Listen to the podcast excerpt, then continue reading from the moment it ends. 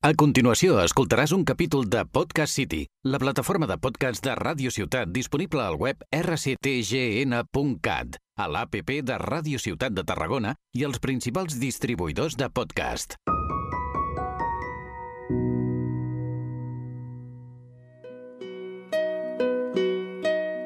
Sopeta de brou, frit callo als peus de porc, ensalada de tonyina, escalop, xota't en es forn, sípia a la planxa, llom torrat i caragols. Bon profit! Hola, sóc la Rocío i això és Del món al forn. I jo et pregunto, què fas ara? Escoltar-me? Doncs vine amb mi de viatge pels sabors i les emocions. Ara duretes sons i obrirés vi. Aquest podcast neix de l'absoluta passió per la gastronomia i la divulgació del coneixement. Sopeta de brou, flors que pengen de macramé. Sopeta de brou... Voltarem pel món sencer, visitant les seves cuines, coneixent les seves històries, entenent infinites curiositats i assaborint tots els perquès. Plàtan, bessons, pinya tropical... Aquesta saborosa recepta la formaran ingredients de tota mena. Serà en forma de seccions. Avui en farem un tast d'algunes. Arromanga't, posa't al davantall i som-hi! que els fa molt bons. De brou, frit callo als peus de porc, ensalada de tonyina, escalop, xota't en es forn, sípia a la planxa, llom torrat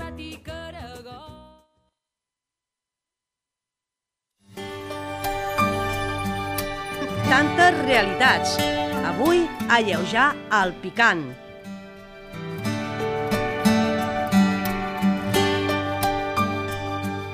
Pots trobar desenes de mites i solucions, com, per exemple, beure aigua, però aquesta mesura no és gaire efectiva. Això és degut a que la capsaicina, que és la responsable del picant d'un xili, per exemple, i és la causa del fort dolor de llengua, no és gaire soluble en l'aigua. Una mesura un xic més efectiva és menjar pa. En primer terme, dona la sensació de que ajuda a eliminar el dolor, ja que de forma mecànica vas eliminant la capsaicina, però només en petites proporcions. Però després d'aquesta impressió, el dolor continua. Això és degut a que la picantor està més vinculada a reaccions químiques que físiques.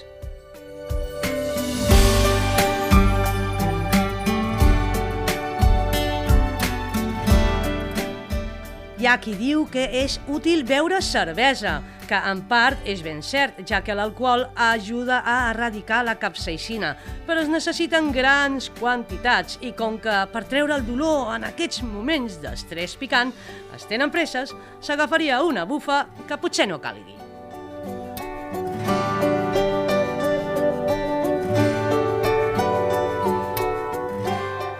Un truquet útil és menjar gel, ja que insensibilitza la llengua, però has d'anar en compte de no cremar-la, ja que de ser així, el remei és pitjor que la malaltia.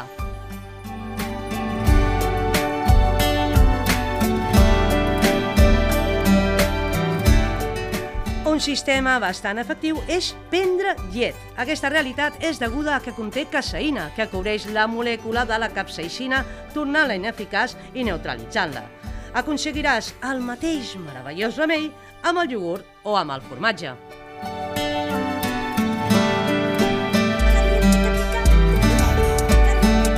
Mire beside her. Caliente que picante,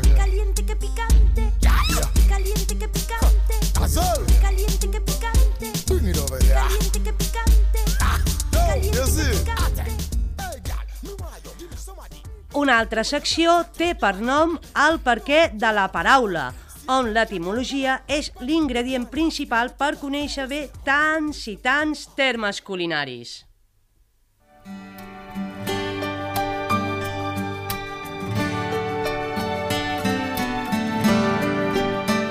Avui, el xiringuito.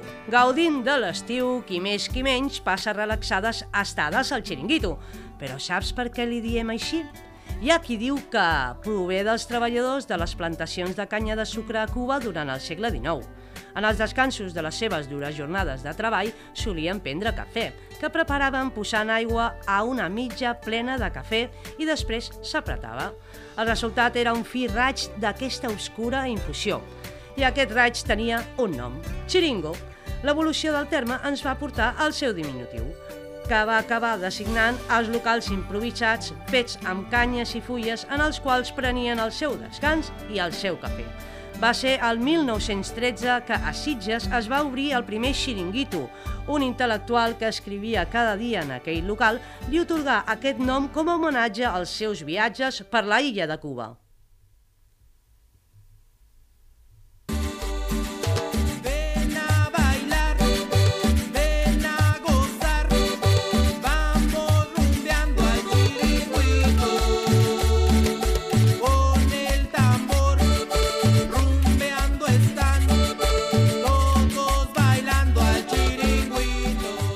Qui no li agrada un conte, una llegenda, la fantasia que de vegades se'n creu amb realitats?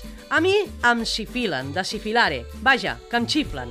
Avui, la llegenda la protagonitza la seva.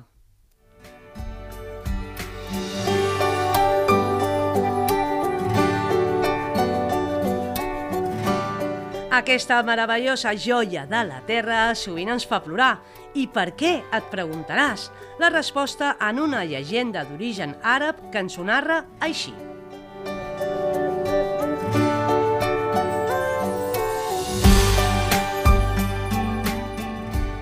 Hi havia una vegada una horta plena d'hortalisses, d'arbres, fruiters i de tota classe de plantes. Donava gust asseure's a l'ombra de qualsevol arbre a contemplar tota aquella verdor, frescor i a relaxar-se escoltant el cant dels ocells. Però de sobte, un bon dia, van començar a néixer unes cebes especials. Cadascuna tenia un color diferent, vermell, groc, blau, verd, Després de grans recerques, van aconseguir descobrir que cada ceba tenia dins, en el mateix cor, una pedra preciosa. Una tenia una maragda, l'altra un rubí, l'altra un topaci, la de més enllà un diamant. Realment era una meravellosa meravella.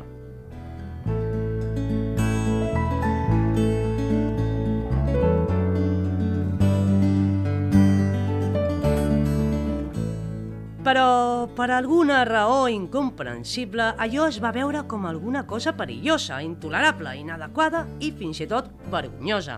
Així doncs, les bellíssimes cebes van haver de començar a amagar la seva pedra preciosa i íntima. Van posar capes i més capes per cobrir-la. Algunes cebes van arribar a tenir tantes capes que ja no se'n recordaven d'allò fascinant que ocultaven a dins. A poc a poc van anar convertint-se en unes cebes comunes.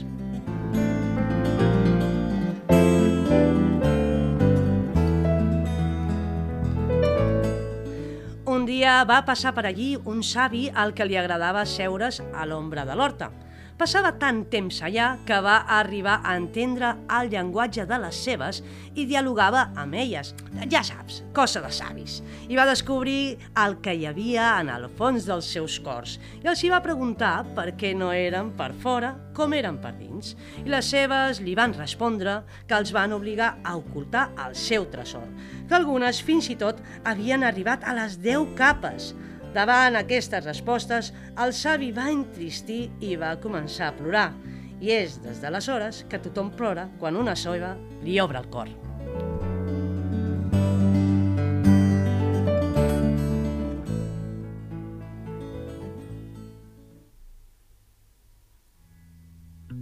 La cebolla es escarcha, cerrada y pobre. Escarcha de tus días y de mis noches.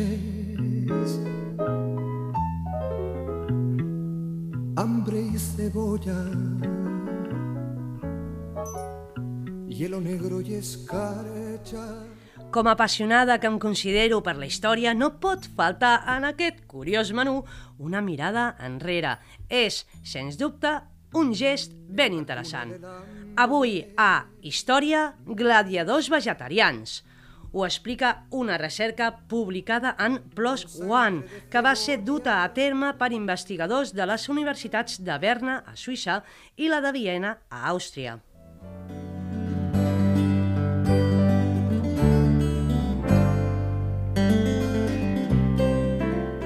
Van partir de la informació de documents molt antics que asseguraven que els gladiadors de Roma tenien una dieta estricta que estava ben assortida de grans.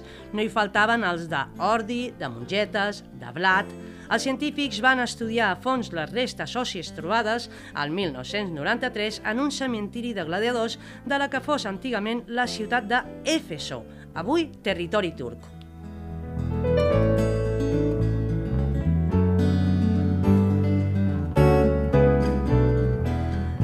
D'aquest cementiri, que segons s'ha datat és dels segles 2 i 3, es van seleccionar 22 esquelets de gladiadors que van ser comparats amb els d'altres 31 esquelets d'antics habitants d'Efeso de la mateixa època, per així determinar les diferències dietètiques. Per tal d'aconseguir resultats es van fer servir diferents tècniques, com la espectroscopia, que és l'estudi de la interacció entre la radiació electromagnètica i la matèria, amb absorció o emissió d'energia radiant. Va ser d'aquesta manera que es van evidenciar que els ossos d'aquests valerosos i hàbils homes tenien una proporció d'estronci i calci major que la que es podia trobar en la resta de la població. Per si fos poc, van poder determinar que les fonts d'aquests minerals eren d'origen principalment vegetal, perquè en aquesta època pràcticament tota la població s'alimentava majorment de grans, però aquests elevants índexs podien perfectament provenir d'un suplement extra que ja s'havia descrit en algun dels antics textos, el consum d'una beguda feta a base de cendres de diverses plantes que els donaria una rica aportació extra de minerals. Aquesta beguda potser contribuiria al restabliment més ràpid dels homes, en particular a accelerar el procés de cicatrització de les nombroses ferides després de cada combat.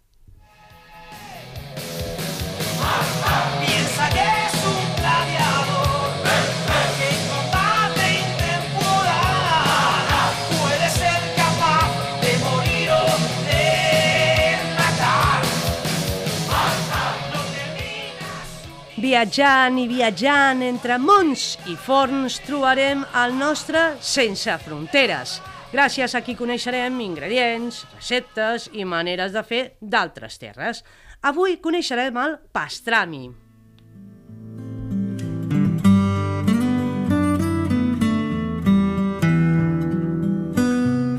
Hi ha qui li diu pastron. Estàs davant d'un producte elaborat amb carn vermella que acostuma a ser de vedella i està sotmesa a un procés de salat. Primer la carn es dessagna, normalment amb l'ajut d'una premsa. Tot seguit es posa en salaó i a assecar. Se li afegeixen alguns aromes com all, pebre negre, alfàbrega i finalment es sotmet a un procés de fumat. El terme pastrami pot venir del romanès, del verb a pastra, és a dir, mantenir, conservar. Sol servir-se generalment tallat en unes llesques i formant part d'un sàndwich, encara que existeixen versions cuinades lleugerament rostides i posades amb polenta i ceba.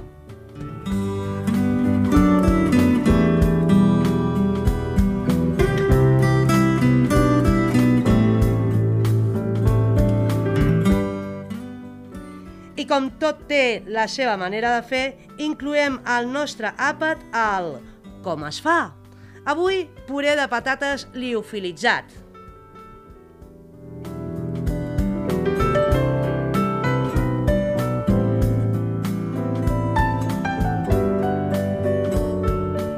Corrien principis del 60 del segle passat quan el científic holandès Edward Hasselbergs estava treballant a Ottawa per al Departament d'Agricultura de Canadà.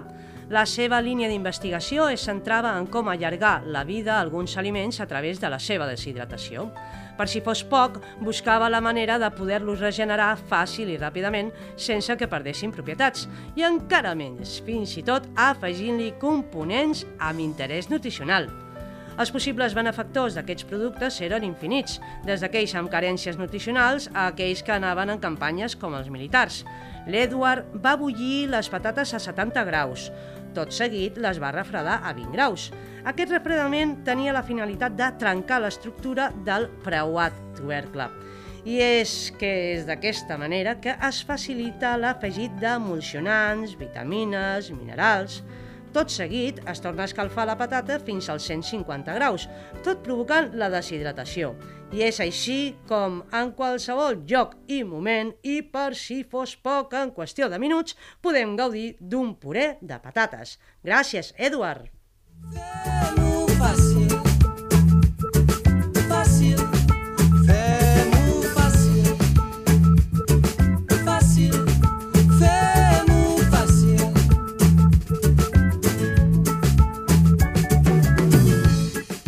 I com ens agrada mullar pa en una salsa que converteix en diversió qualsevol plat, oi? A les salses de la vida et presentem mil exemples d'aquests imprescindibles a taula. Avui coneixerem algunes d'elles.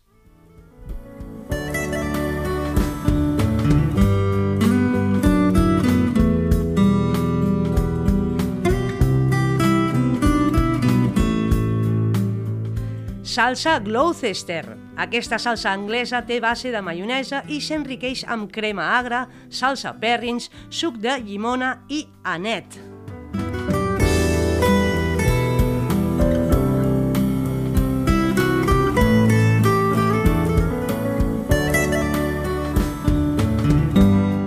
Salsa piripiri. Aquesta salsa porta xili o pebrots piripiri, que són molt picants. També porta tomàquet, ceba, all, oli, sucre, vinagre, sal i pebre. És molt freqüent a la cuina africana, brasileira i portuguesa.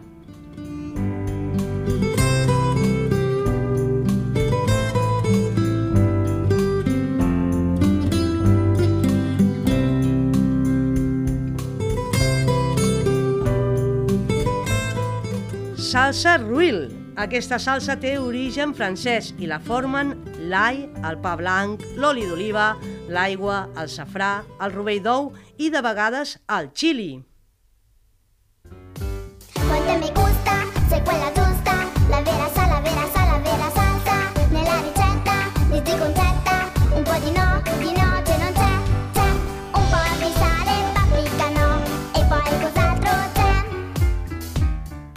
En aquesta escudella de coneixement culinari no ens oblidem de les arts, entre elles les lletres. Li diem entre lletres. Avui el poder dels aliments en alguns lletraferits.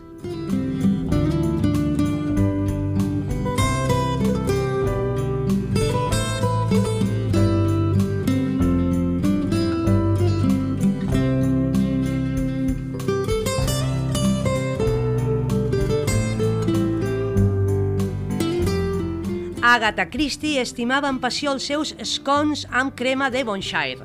Els scones són uns panets essencials en el famós té anglès. Originaris d'Escòcia, al principi es feien amb cibada i en la paella. Avui dia els més comuns es fan amb farina de blat i al forn. Devonshire o Devon Cream és una crema de llet que es produeix en la part sud-oest d'Anglaterra, als comtats de Somerset, Cornwall i Devon. Es tracta d'un producte làctic molt comú a Anglaterra. És una rica crema groguenca que s'obté escalfant la llet no pasteuritzada fins a aconseguir una gruixuda capa en forma de crema en la seva superfície. La llet es refreda a continuació i la capa de la crema es desnata. La crema té entre un 55 i un 60% de contingut de greix i és tan espessa que no necessita ser batuda.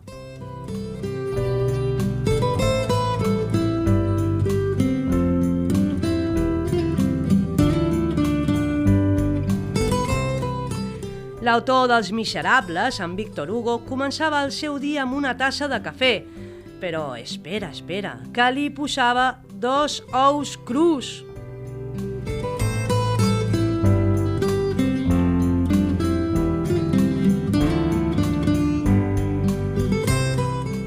L'autor de La comèdia humana, en Balzac, també estimava el cafè. De fet, era una real addicció per aquesta infusió el que hi patia. Arribava a prendre 50 tasses de cafè per dia i, si era necessari, menjava els grans sols. Aquesta realitat li provocava dolors estomacals perquè generalment feia dietes on prenia solament llet almenys uns dies.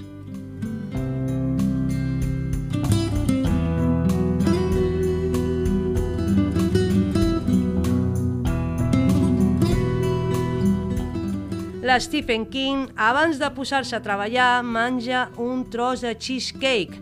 També ha dit que es va casar amb la seva esposa perquè cuina molt bé el peix.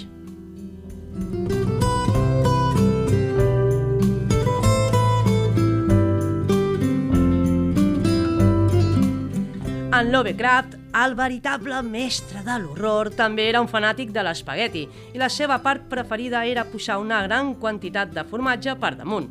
En els matins preferia una rosqueta i una gran quantitat de formatge.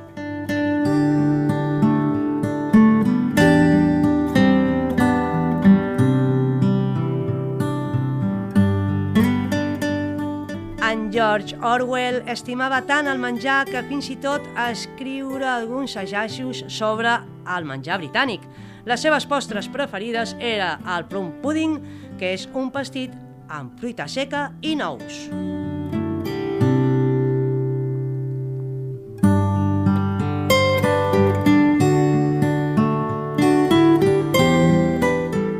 Jean-Paul Sartre tenia afició per un dolç anomenat halva. Generalment consta d'una pasta de sèmola que també conté ametlles. Durant el temps de la Segona Guerra Mundial ho demanava per correu i es posava molt nerviós si no arribava. El món, sols hi ha una passa que ja no ens costa res a fer. Tornaré el full des del carrer perquè no vull somiar massa, no. Del llibre al món sols hi ha una passa que ja no ens costa res a fer. I tornaré I per arribar a bon port en aquesta travessia pels sabors i el saber, mai faltarà la recepta. Avui farem pastissets de tonyina.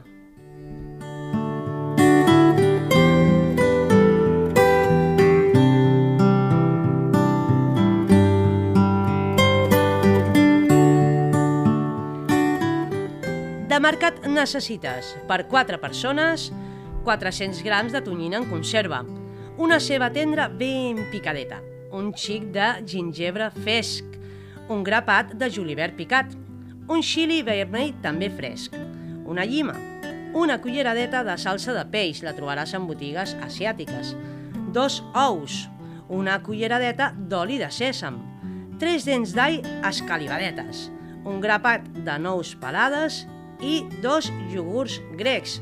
Sempre li podràs afegir també un xic de porradell picat.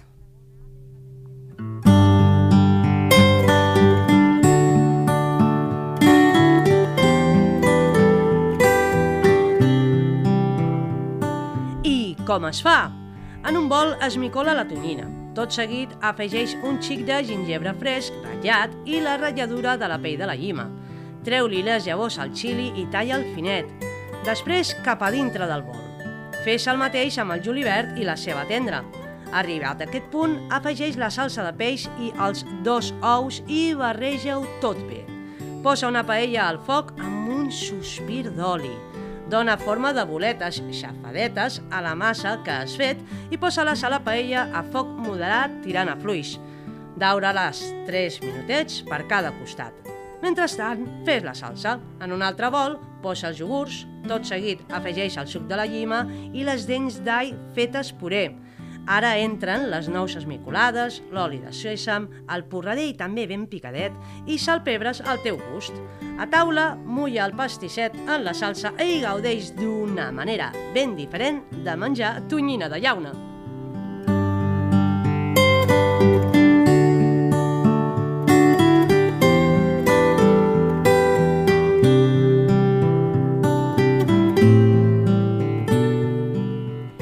Fins aquí un petit aperitiu del que serà del món al forn. Han quedat moltes altres seccions macerant entre herbes i sabors. Els truquets, els gadgets, la nutrició, tradicions, ingredients ben observats, propostes sense fi per gaudir del saber del sabor.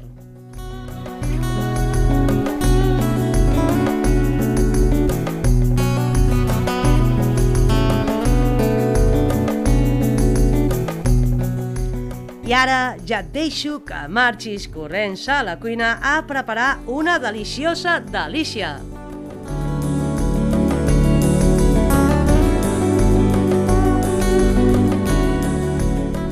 Que jo no veig el moment de tornar-te a trobar i de tornar-te a parlar del menjar.